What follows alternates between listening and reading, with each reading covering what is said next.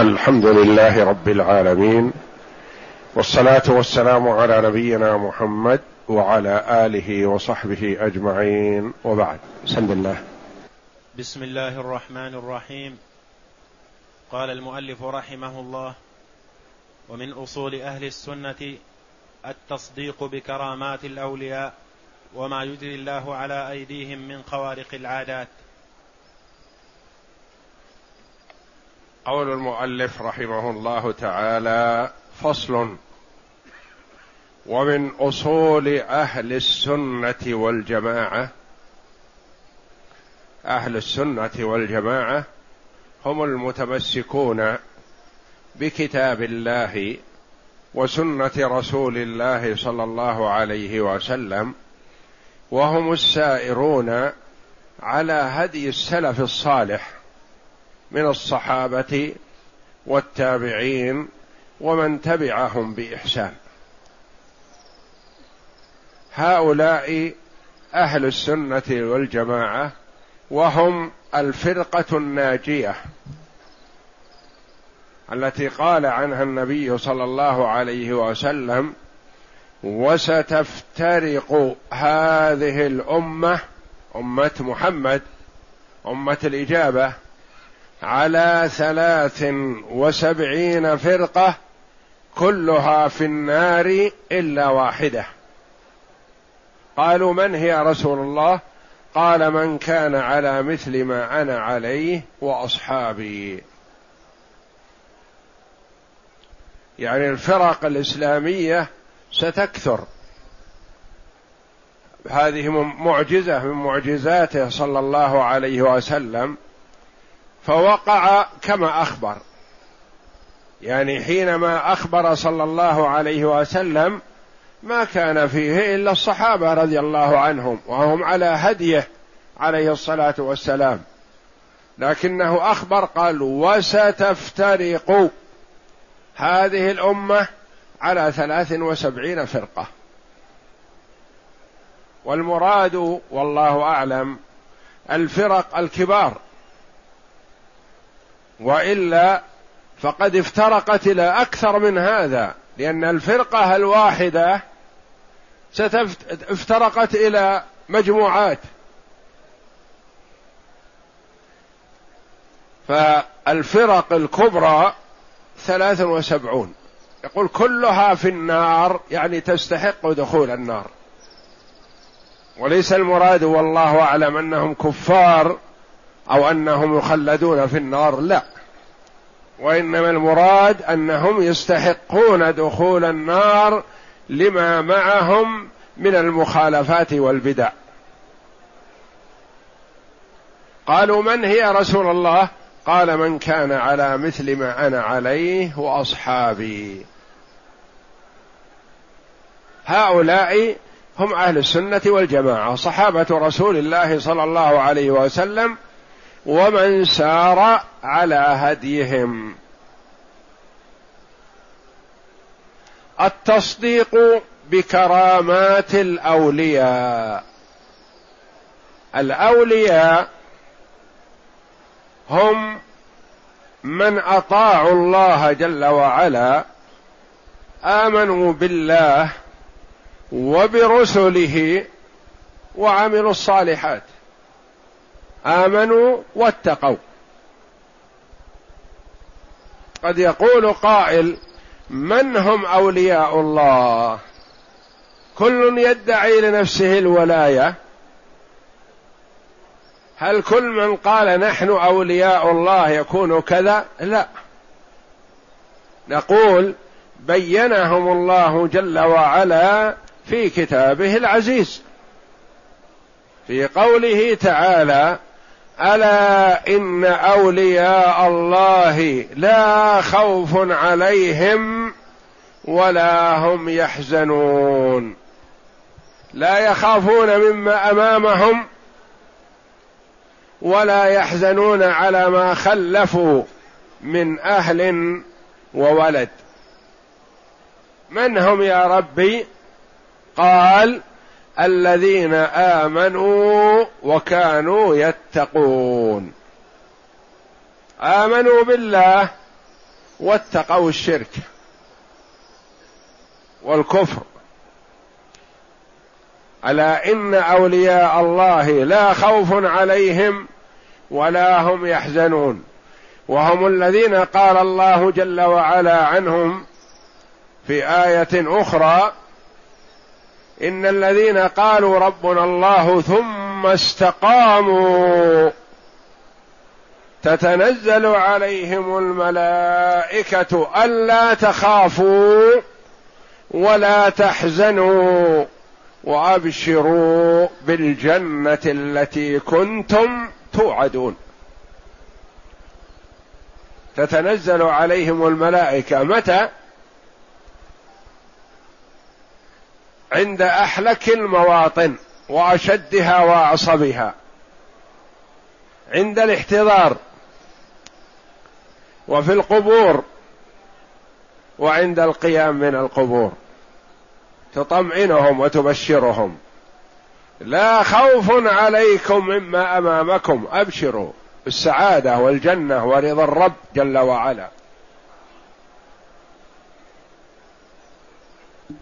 ألا إن أولياء الله لا خوف عليهم ولا هم يتق لا خوف عليهم ولا هم يحزنون. الذين آمنوا وكانوا يتقون لهم البشرى في الحياة الدنيا وفي الآخرة. تبشرهم الملائكة في الحياة الدنيا قبل الخروج من الدنيا. عند الاحتضار يبشرون. يظهر أثر البشر والسعادة وسرور ونور الوجه عند الاحتضار حينما يبشر. لهم البشرى في الحياة الدنيا وفي الآخرة. فأولياء الله هم الذين آمنوا بالله واتقوه. ينظر غالبا هذا الذي يقول أنا ولي من أولياء الله هذا ليس بولي. لأنه يزكي نفسه. الولي حقا هو من يقول أنا مقصر. أنا ظالم لنفسي. أنا كما يقول بعضهم لو كان للذنوب رائحة ما استطعتم أن تقربوا مني. من كثرة الذنوب.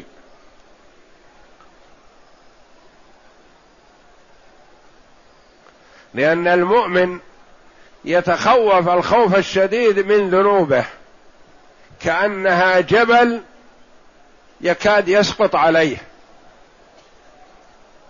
والفاجر والكافر والمسيء والظالم لنفسه ظلما شديدا يرى أن ذنوبه شيء بسيط كأنها ذباب وقع عليه يقول بيده كذا فيذهب. ما يهتم لها.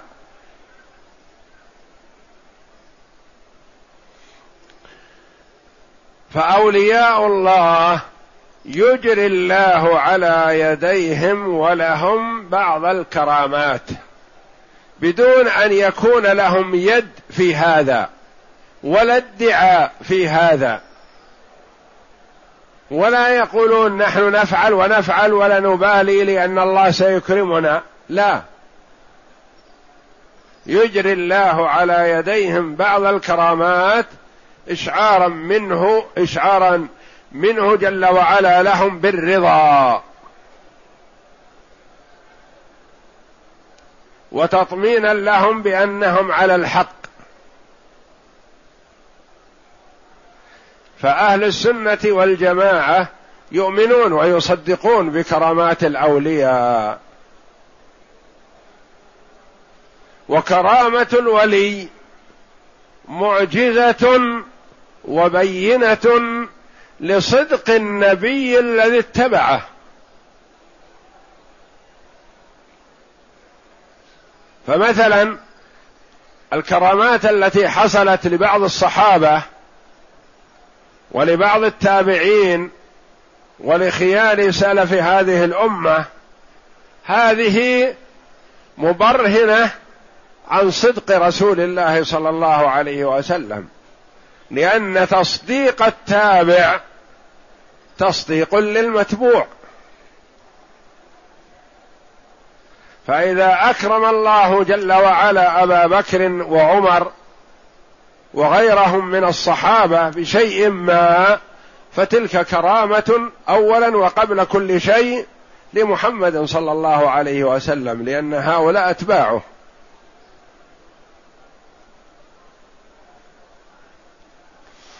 بعض المسلمين من غير أهل السنة والجماعة يقول لا لا نصدق بكرامات الأولياء. ولما هداكم الله؟ يقولون لأنها تشتبه على الناس بمعجزات الرسل. وتشتبه على الناس بخرافات وشعوذة المشعوذين. فلذا لا نصدق بها ولا نقبلها. لأنها إما معجزة لرسول أو شعوذة وخرافة من خرافي مشعوذ. نقول لا وهداكم الله. ما يصلح. جرت بالفعل كرامات لبعض الأولياء. ليسوا برسل وما ادعوا النبوة ولا الرسالة ومعروف استقامتهم وصلاحهم ما يخطر على البال أنهم أنها خرافة أو شعوذة. لا بد من التصديق بهذا الحد. وسط بين الرسالة والنبوة وبين الخرافة والشعوذة. حصلت الكرامة مثلا لأبي بكر نقول هذه اما معجزه نبوة وإلا خرافة؟ لا. لا معجزة نبوة فهو ما ادعى النبوة ولا يصلح أن يدعي النبوة رضي الله عنه وأرضاه وهو يعرف ويؤمن أن محمدا صلى الله عليه وسلم آخر الأنبياء. ولا يليق أن نقول إنها خرافة أو خيال أو نحو ذلك ونكذب أبا بكر أو نكذب عمر فيما قال. وإنما هي كرامة الأولياء وسط بين معجزة كرامة الأولياء وسط بين معجزة الأنبياء والرسل وخرافة المخرفين والمشعوذين. يجريها الله جل وعلا على يد بعض عباده الصالحين. وقص الله علينا بالقرآن. الشيء الكثير من هذا للأمم السابقة.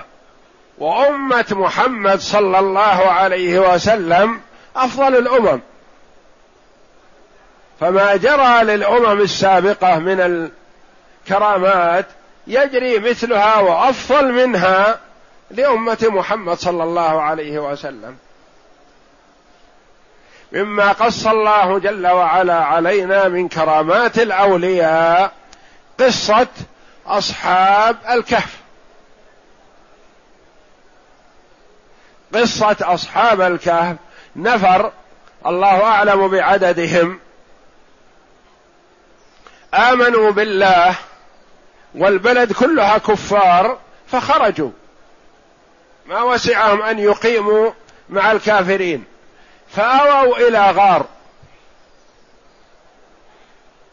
وهيأ الله جل وعلا لهم هذا الغار الذي يصلح أن يأووا إليه ويسلموا من أذى الكفار. فناموا فيه ثلاثمائة سنة وازدادوا تسعة. بنص القرآن. نوم. ليس بموت. نوم. بقوا على حياتهم. وإنما ناموا. والنوم هذا استغرق هذه الفترة الطويلة. قد يقول قائل الإنسان إذا نام أكثر من المعتاد خدر جنبه اللي هو نايم عليه مثلا وتأثر من الأرض ومن الفراش هؤلاء يقلبهم الله يمين وشمال. قد يقول قائل هؤلاء إن كانت الشمس تدخل عليهم تضرهم وإن كانوا محرومين من الشمس تضرروا كذلك. نقول لا هذا ولا هذا بنص القرآن. كان باب الغار إلى جهة الشمال فكانت الشمس تدخل عليهم قليلا ولا تضرهم. بنص القرآن. تقليبهم والشمس تحفهم من الجهة التي تناسب لهم بإذن الله. ثم استيقظوا من نومهم. بعد ثلاثمائة سنة وازدادوا تسع وكان معهم ورق يعني عملة. حينما ناموا فبعثوها بعثوا أحدهم ليشتري لهم طعام. قاموا جياع. ثلاثمائة وستين وتسع سنوات ما ذاقوا شيء. وهم أحياء نيام فبعثوا أحدهم بورقهم ليشتري لهم. لما قدم العملة إلى صاحب البضاعة اللي يشتري منه استغرب. هذه وش العملة هذه هذه مندرسة من مئة السنين. أنها ما ما تبقى عملة ثلاثمية وزيادة سنوات تتغير بين حين وآخر.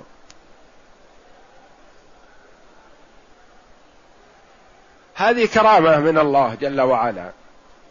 مريم عليه السلام ورضي الله عنها كانت تتعبد في مصلاها فيأتيها زكريا فيجد عندها الطعام. ما جاءها من البيت الذي هي فيه؟ منين هذا يا مريم؟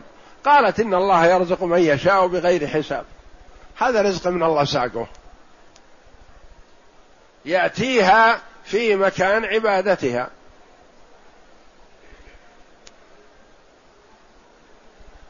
هؤلاء ليسوا بأولي ليسوا بأنبياء ولا رسل وإنما هم من أولياء الله.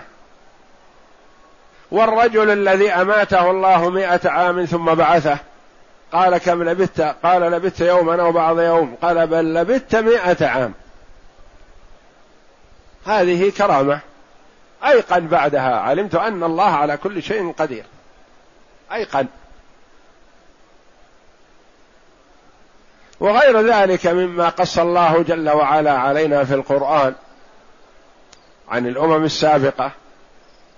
وجرى لأمة محمد صلى الله عليه وسلم مثل ذلك وأكثر.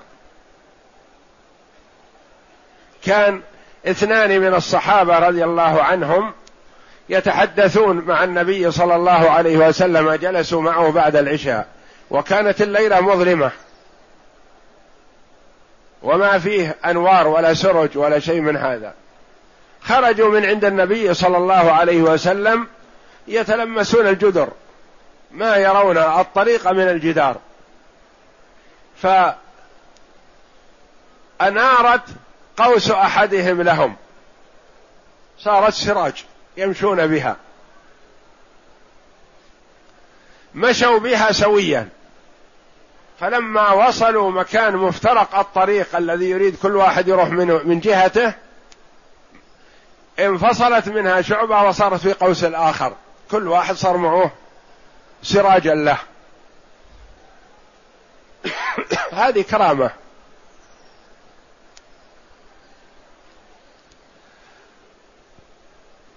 عمر رضي الله عنه. يخطب الناس على المنبر. يخطب أمامها الناس يستمعون. فكشف الله له فقال يا سارية الجبل يا سارية الجبل. فقط الكلمة. تعجب من حوله. كيف انت تخطب؟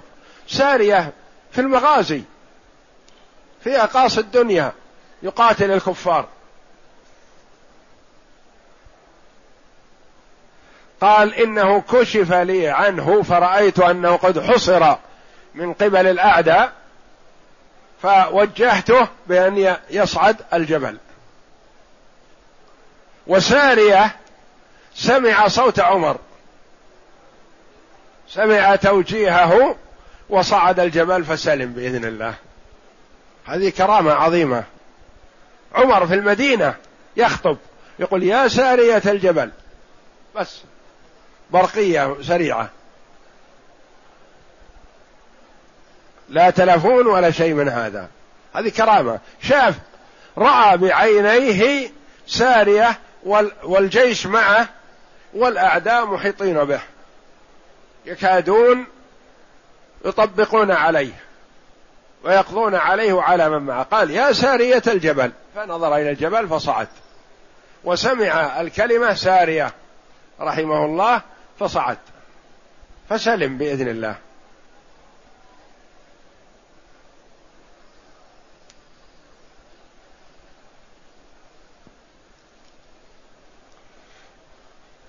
الطفيل رضي الله عنه ورحمه ذهب إلى قومه دوس يدعوهم إلى الإسلام. فسأل ربه أن يجعل له آية قبل أن يصل إلى إلى قومه. معجزة يعني كرامة حتى يصدقوه يهديهم الله للإسلام. فصار بين عينيه مثل السراج. فقال يا ربي أخشى أن تكون أن يظنوا أنها مثله. فانتقلت إلى قوس إلى عصاه فصارت مثل السراج. يرونها حينما أقبل يرون أنه أقبل بهذا السراج معه.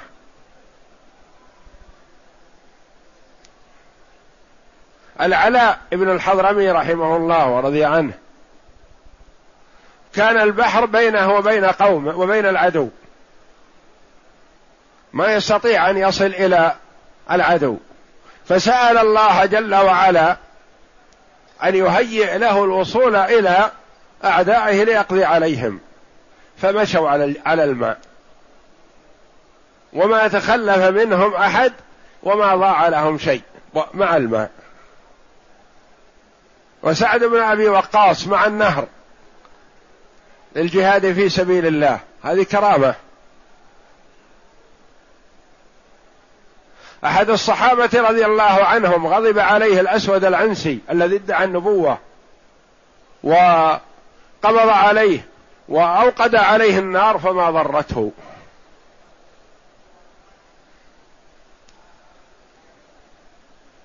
أحد السلف رحمه الله كان على فرسه في البرية وحده فماتت الفرس. ما يستطيع أن يصل إلى أهله. فسأل الله جل وعلا أن يحيي له فرسه لتوصله إلى أهله. فأحياها الله جل وعلا له. فوصل إلى أهله. فلما وصل قال لولده أنزل المتاع الذي عليها ودعها فإنها عارية. ما لنا. فلما أنزل المتاع عليها سقطت وماتت. انها ميتة. لكن هذه الاحياء كرامة لها. واحد السلف الصالح لما حجر من قبل الكفار واجاعوا الأسد أياما طويلة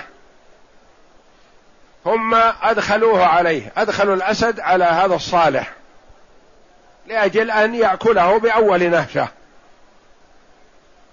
فجاء عنده وبدأ يتشمشمه وما ضره بشيء. فقيل لهذا الرجل الصالح رحمه الله ماذا كنت تفكر فيه وقت دخول الأسد عليك واقباله عليك وتشمشمه إياك؟ يعني إنه ما بقي إلا لحظة وينهشه. فقال ما ما فكرت بهذا ابدا وإنما أفكر هل لعاب الأسد طاهر ولا نجس؟ هل أصاب ثيابي؟ وإلا لو راحت نفسي في سبيل الله. ما يهمه. شهادة. لكن يفكر إن سلم اللعاب الذي أصابه من الأسد هذا هل هو طاهر؟ هل يقاس على لعاب الإبل والأشياء والحيوانات الأخرى الطاهرة؟ أم يقاس على لعاب الكلب؟ نجس. يقول أفكر فيه هل هو طاهر أو نجس؟ وإلا ما ما همني يعني كونه يأكلني أو لا يأكلني لا.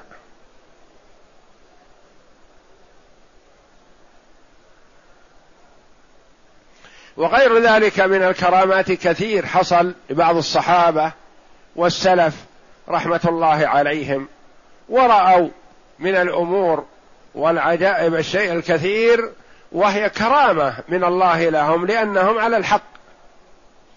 ففرق بين الكرامة والخرافة.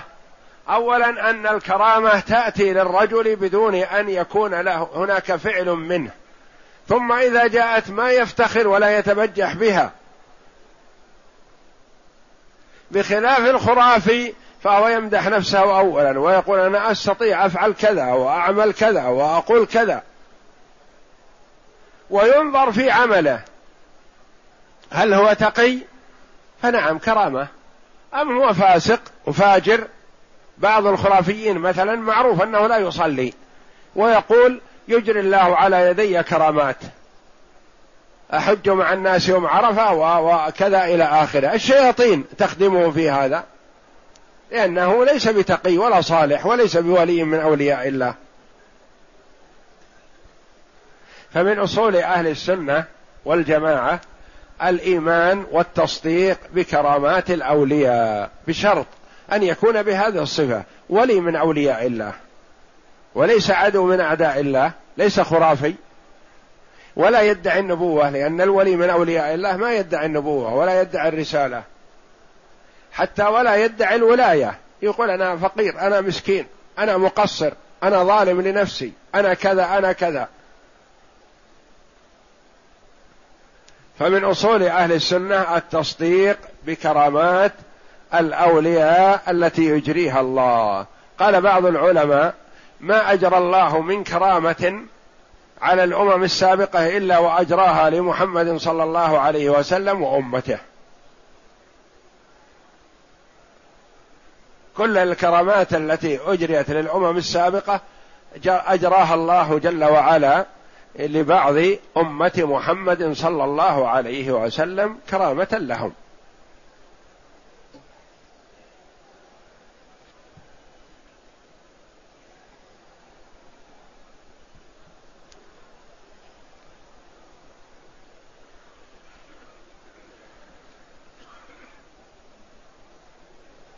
فسعد بن أبي وقاص رضي الله عنه الذي يلقب بخال النبي صلى الله عليه وسلم وهو أحد العشرة المبشرين بالجنة رضي الله عنه عبر نهر دجلة بإبله. عبر النهر لقتال الكفار. لما تحصنوا بالنهر عبر عليهم وقضى عليهم وانتصر عليهم رضي الله عنه. والعلاء بن الحضرمي عبر البحر بالإبل التي معه.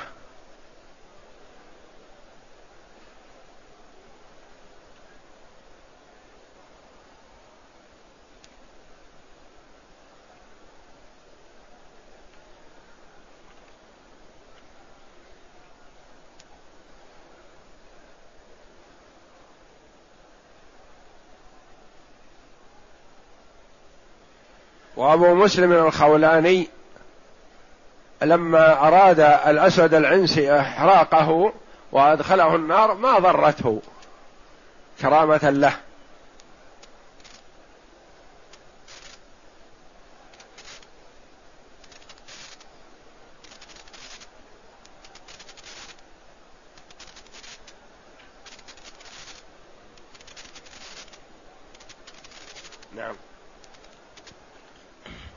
ومن أصول أهل السنة التصديق بكرامات الأولياء وما يجري الله على أيديهم من خوارق العادات في أنواع العلوم والمكاشفات وأنواع القدرة والتأثيرات والمأثور عن سلف الأمة في سورة الكهف وغيرها. وعن صدر هذه الأمة من الصحابة والتابعين وسائر فرق الأمة وهي موجودة فيها إلى يوم القيامة. نعم.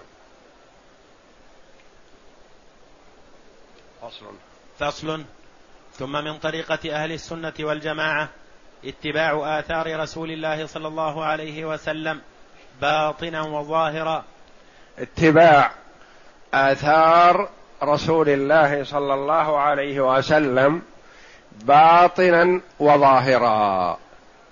من أصول أهل السنة الأمر باتباع آثار النبي صلى الله عليه وسلم. والاهتداء بهديه لأنه أفضل هدي.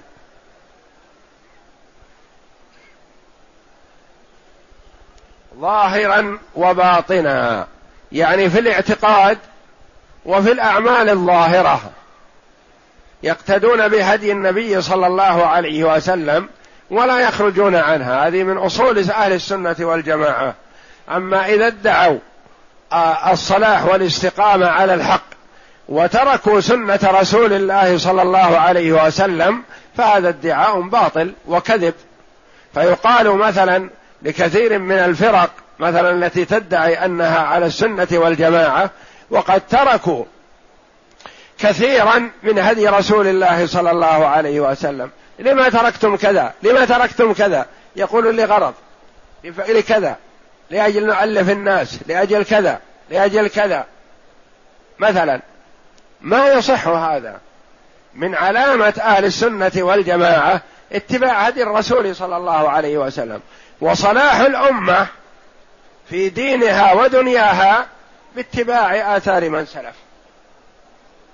يقال مثلا هدي رسول الله صلى الله عليه وسلم تنفيذ الأحكام الشرعية. لما لا تنفذ الأحكام الشرعية؟ القتل ما يصلح للناس. قطع اليد مثلا كذا جريمة.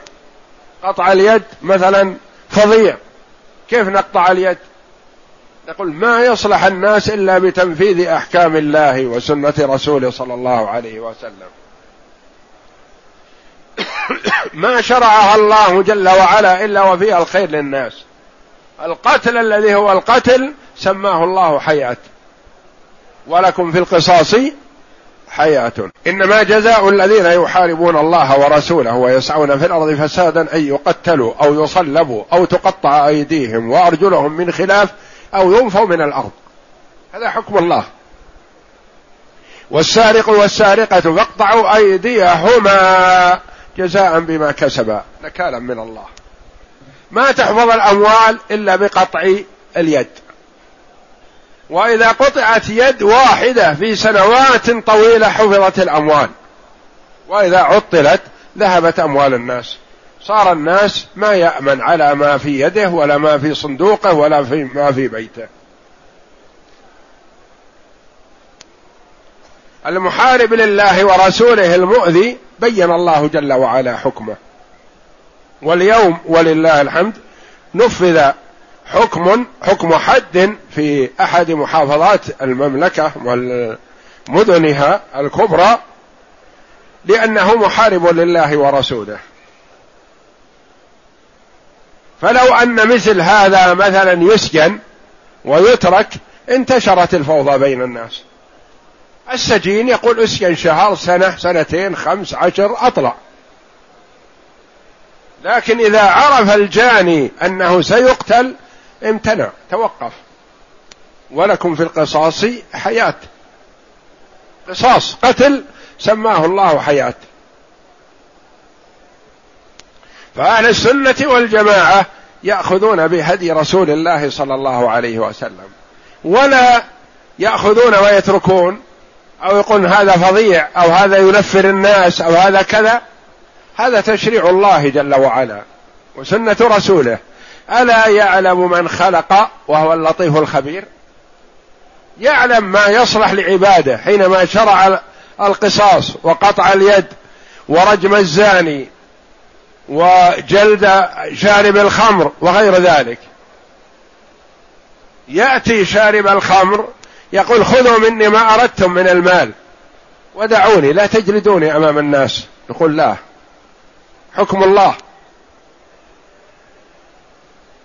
ما نأخذ منك ولا ريال واحد وإنما ننفذ فيك حكم الله. يرتدع هو وغيره لكن إذا أخذ منه مئات الألاف ما ارتدع. ما يبالي بالمال.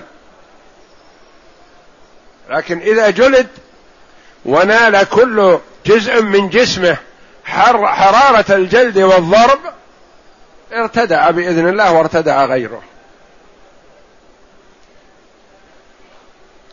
اتباع آثار رسول الله صلى الله عليه وسلم. الأخذ بسنته والعض عليها بالنواجذ. بهذا تصلح الأمة وتستقيم أحوالها. نعم. واتباع سبيل السابقين الأولين من المهاجرين والأنصار. اتباع سبيلهم يعني طريقتهم طريقة السابقين الأولين الذين هم خيار الأمة. من هم؟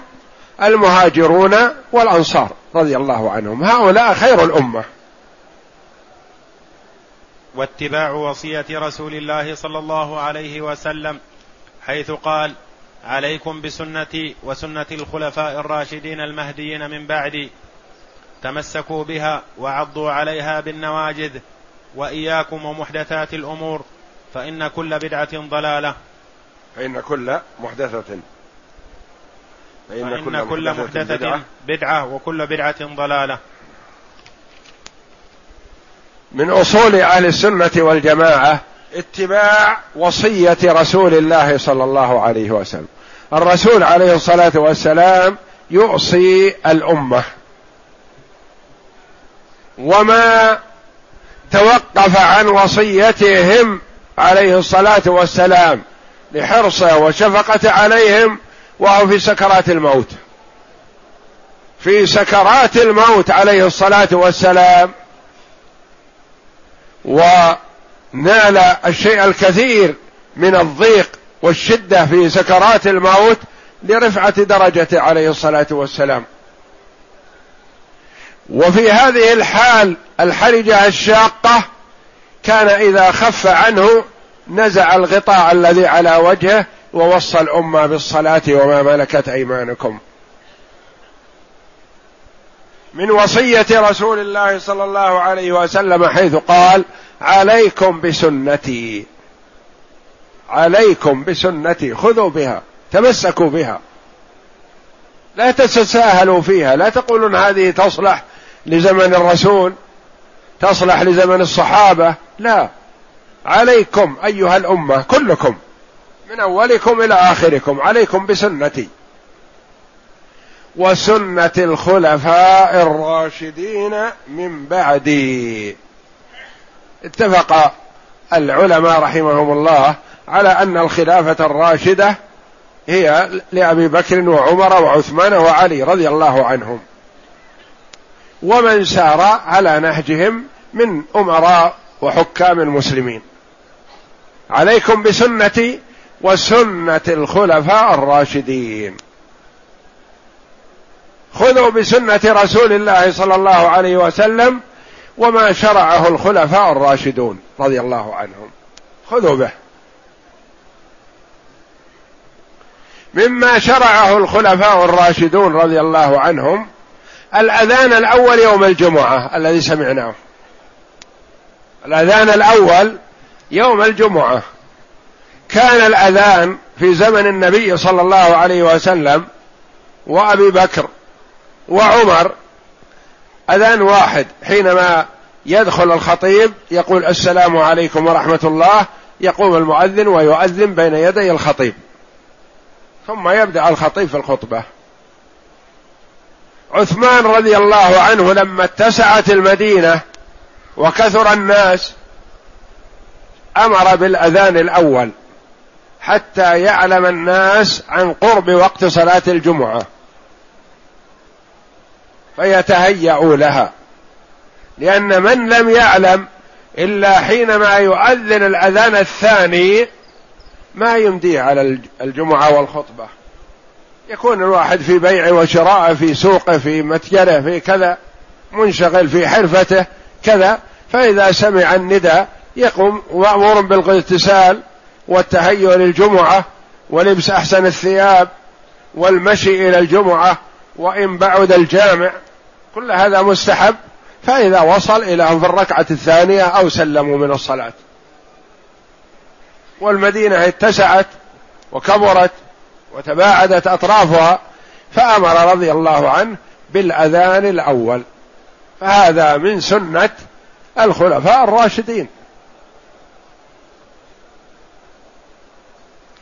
عمر رضي الله عنه دخل المسجد في أو في رمضان فوجد الناس اوزاعا يصلون. واحد يصلي وحده واثنين يصلون وحدهم والثلاثة يصلي بهم واحد والرهط يصلي بهم واحد جماعات.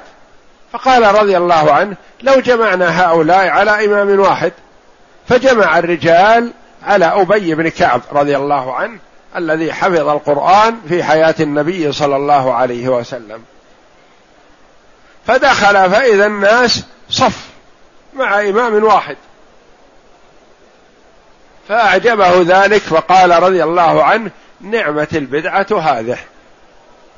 وهذه ليست بدعة. إنما هي يعني جدت بعد أن لم تكن. وإلا فالرسول عليه الصلاة والسلام صلى ثلاث أو أربع ليالي بالصحابة ثم لم يخرج لهم بعد هذا خشي عليه الصلاة والسلام أن تفرض عليهم صلاة الليل في رمضان. فتشق عليهم. فلما لحق صلى الله عليه وسلم بربه وانتهى موضوع الفرض حينئذ أمر عمر رضي الله عنه بأن يصلوا صلاة التراويح وجمعهم على إمام واحد رضي الله عنه. ومثل الأمور التي يحتاج الناس إليها مثل كتابة القرآن جمعه. اتفق الصحابة رضي الله عنهم على كتابته مرتين في عهد أبي بكر ثم في عهد عثمان رضي الله عنه. خشي الناس من الاختلاف. ثم بعد ذلك اتفق التابعون ورأوا إيه، تدوين سنة رسول الله صلى الله عليه وسلم لأن أول ما كانت تدون السنة خشية أن تلتبس على الناس بالقرآن. فلما جمع القرآن بين دفتي المصحف بدأوا في تدوين السنة خشية الضياع. فدونت الأحاديث. وهذه من السنن التي فيها خير وفي قوله صلى الله عليه وسلم من سن في الإسلام سنة حسنة فله أجرها وأجر من عمل بها. يعني تقدم إلى فعل خير طيب واقتدى به الناس فله أجر من تبعه من غير أن ينقص من أجورهم شيء. وأما البدعة التي هي إحداث في الدين ما لا أصل له فهذه ضلالة. لقوله صلى الله عليه وسلم كل بدعة ضلالة. كل كل من ألفاظ العموم. ما يقال هذه بدعة حسنة وهذه بدعة سيئة. لا. ما في بدعة حسنة ابدا. شيء ما كان موجود في عهد النبي صلى الله عليه وسلم ولا أصل له ما يقال له بدعة حسنة أبدا وإنما هو بدعة وضلالة. فمن أصول أهل السنة والجماعة الاقتداء بالسلف الصالح فيما شرع على ضوء سنة رسول الله صلى الله عليه وسلم وما شرعه الخلفاء الراشدون رضي الله عنهم وأرضاهم. تمسكوا بها وعضوا عليها بالنواجذ. النواجذ أطراف الأضراس. يعني ما يعض عليه في الثنايا يخشى عليه من مثلا أي مسه ينفلت. لكن إذا عض عليه بآخر الأضراس معناه أنه تمسك به التمسك الكامل كل ما يستطيعه. وهكذا ينبغي للمسلم أن يحرص على التمسك بسنة رسول الله صلى الله عليه وسلم وإن خالفه من خالفه. لو لم يبقى في البلد إلا هو وحده على السنة ما يضيره. الله جل وعلا قال إن إبراهيم كان أمة قانتا لله حنيفا ولم يكن من المشركين. هو وحده على الحق. وسماه الله جل وعلا أمة. فالمرء ما دام واثق أنه على سنة رسول الله صلى الله عليه وسلم لا يغتر بمن خالفه ولا يبالي بهم. نعم. ويعلمون أن أصدق الكلام كلام الله. هذا لا شك فيه. كلام الله جل وعلا ومن أصدق من الله قيلا ومن أصدق من الله حديثا. فكلام الله جل وعلا صدق وحق. ولا يمكن أن يختلج في أي شك أو ريب. وإنما لو وجد شيء من الشك فهو راجع إلى الانسان نفسه. إما لتقصير أو قصور. إما هو نفسه ناقص أو هو مقصر. يعني ما أعمل فكره واجتهاده حتى يدرك الصواب. قد يقرأ المرء الآية مثلا فيستبعد ما تضمنته. نقول هذا لا يخلو من أمرين. إما إن هذا عقله في شيء ناقص أو أنه مقصر ما أعمل فكره عنده عقل وعنده معرفة لكن ما أعمله. وإلا فكلام الله جل وعلا لا يختلف ابدا. وكما قال الله جل وعلا في القرآن ولو كان من عند غير الله لوجدوا فيه اختلافا كثيرا لكنه ما يمكن ولهذا لا يمكن أن تختلف آية مع آية ولا تختلف آية مع حديث صحيح ابدا. وإنما لو كان ظاهر الاختلاف مثلا ناتج عن تقصير الرجل أو قصوره. اللي يزعم الاختلاف اما انه ناقص هو وإلا مقصر.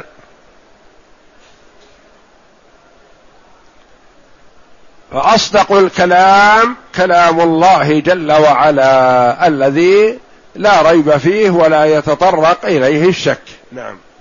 وخير الهدي هدي محمد صلى الله عليه وسلم. الهدي الطريقة والسنة. خير طريقة وخير سنة. وخير مسلك هو ما سلكه النبي صلى الله عليه وسلم. والله جل وعلا يقول وما آتاكم الرسول فخذوه وما نهاكم عنه فانتهوا. نعم. ويؤثرون كلام الله على غيره من كلام أصناف الناس. ويؤثرون كلام الله على كلام غيره من كلام أصناف الناس. ما يقول المرء العاقل الآية القرآنية تقول كذا لكن العالم الفلاني يقول كذا. لا ما يقارن بينها إذا جاءت الآية واضحة في أمر من الأمور لا إشكال فيه فلا ينظر إلى قول ايا كان قائلا من من كان. أحيانا يكون وجه الاستدلال بها ما هو صحيح. هذا نعم. نقول أنت استدللت بهذه الآية على كذا وهذه الآية لا تدل على كذا وإنما تدل على كذا. أنت فهمك للاستدلال بالآية غير صحيح. أما إذا كان الفهم صحيح فلا ينظر إلى مخالفة من خالفها. نعم. ويقدمون هدي محمد صلى الله عليه وسلم على هدي كل أحد. كذلك يقدمون هدي محمد صلى الله عليه وسلم على هدي كل أحد. يعني ما يقارنون بين قول النبي صلى الله عليه وسلم وقول أبي بكر أو قول عمر رضي الله عنهم إذا جاء هدي النبي صلى الله عليه وسلم لا ينظر إلى غيره ولا يقال الإمام الشافعي يقول كذا الإمام مالك يقول كذا الإمام أحمد يقول كذا لا. هدي رسول الله صلى الله عليه وسلم هو الأول ولا يقارن بغيره. أحيانا يكون النقل غير صحيح. يعني بالنسبة للقرآن الاستدلال فقط بالآية قد يكون غير صحيح. أما بالنسبة للسنة فيحذر من أمرين. اولا النقل يكون في شيء ثانيا وجه الاستدلال. إذا كان النقل صحيح ووجه الاستدلال صحيح فلا ينظر إلى ما خالفه. يقول ابن عباس رضي الله عنهما يوشك أن تنزل عليكم حجارة من السماء. أقول قال رسول الله صلى الله عليه وسلم وتقولون قال أبو بكر وعمر وهم أفضل الأمة. ولا يمكن أن يصدر من أبي بكر ولا من عمر مخالفة لقول رسول الله صلى الله عليه وسلم. لكن قد يكون بلغ ابن عباس رضي الله عنهما ما لم يبلغ أحدا منهما. فنعم. قد يقول قائل شيء مثلا مثل ما روي أن عمر رضي الله عنه وقت الميقات لأهل العراق ما بلغه أن النبي صلى الله عليه وسلم وقته فصادف أن وقت الذي وقت رسول الله صلى الله عليه وسلم. وافق اجتهاد عمر رضي الله عنه توقيت النبي صلى الله عليه وسلم. توفيق من الله. فبعض الصحابة رضي الله عنهم مثلا ما يبلغه سنة رسول الله صلى الله عليه وسلم فيجتهد. فإذا ثبت للرسول قول أو سنة في هذا فلا ينظر لقول أبي بكر ولا لقول عمر ولا لقول أي كان. إذا لم يثبت عن النبي صلى الله عليه وسلم فحينئذ قول أبي بكر رضي الله عنه على العين والرأس. ويقدم على من سواه. وهكذا الخلفاء والصحابة رضي الله عنهم. ونهتم بأقوالهم واجتهاداتهم لكن ما نعارض بينها وبين السنة. نعم. ولهذا سموا أهل السنة أهل الكتاب والسنة. سموا أهل الكتاب والسنة لأنهم يأخذون بالقرآن والحديث. يعني ما يقدمون عليهما غيرهم. لكن إذا ما وجدوا في القرآن في هذا الشيء بهذا الخصوص مثلا ولا في السنة بهذا الخصوص مثلا انتقلوا إلى الإجماع كما سيأتينا. الأصول ثلاثة الكتاب والسنة والإجماع. والغالب أن الإجماع يكون على حديث عن النبي صلى الله عليه وسلم على سنة. ما يكون الاجتماع ابدا على ضلالة. اجتماع الأمة لا تجتمع أمة محمد صلى الله عليه وسلم على ضلالة. نعم. وسموا أهل الجماعة لأن الجماعة وعلى الجماعة لأنهم هم المجتمعون على الحق المتفقون عليه. والتفرق يوجد الاختلاف والتناحر والتباغض وضعف الكلمة وضعف الشوكة. كلما حصل اختلاف في الجمع من الناس ضعفوا. وكلما كانوا يدا واحدة قووا بإذن الله. نعم. لأن الجماعة هي الإجماع وضدها الفرقة. نعم. وإن كان لفظ الجماعة قد صار اسما لنفس القوم المجتمعين. والإجماع هو الأصل الثالث الذي يعتمد عليه في العلم والدين. إذا لم يوجد كتاب ولا سنة في أمر من الأمور يرجع إلى الإجماع والإجماع هو الأصل الثالث الأصول ثلاثة الكتاب والسنة والإجماع إجماع المسلمين. نعم. وهم يزنون بهذه الأصول الثلاثة جميع ما عليه الناس من أقوال وأعمال باطنة أو ظاهرة. مما يعني جميع الأمور توزن على هذا. إن كانت في الكتاب والسنة فلا ينظر إلى غيرها. في الكتاب لا ينظر إلى غيره في السنة لا ينظر إلى غيرها من أقوال الناس. بعد ذلك يكون الإجماع. نعم. مما له تعلق بالدين والإجماع الذي ينضبط. يعني الإجماع فيما له تعلق بالدين. أما الأمور العادية فهذه لا حرج على الناس أن يختلفوا. لأن فرق بين الأمور التعبدية والأمور العادية. فالأمور التعبدية مثلا يجب أن تكون على ضوء الكتاب أو السنة أو إجماع المسلمين. الأمور العادية مثلا هذا مثلا يتغدى بعد طلوع الشمس.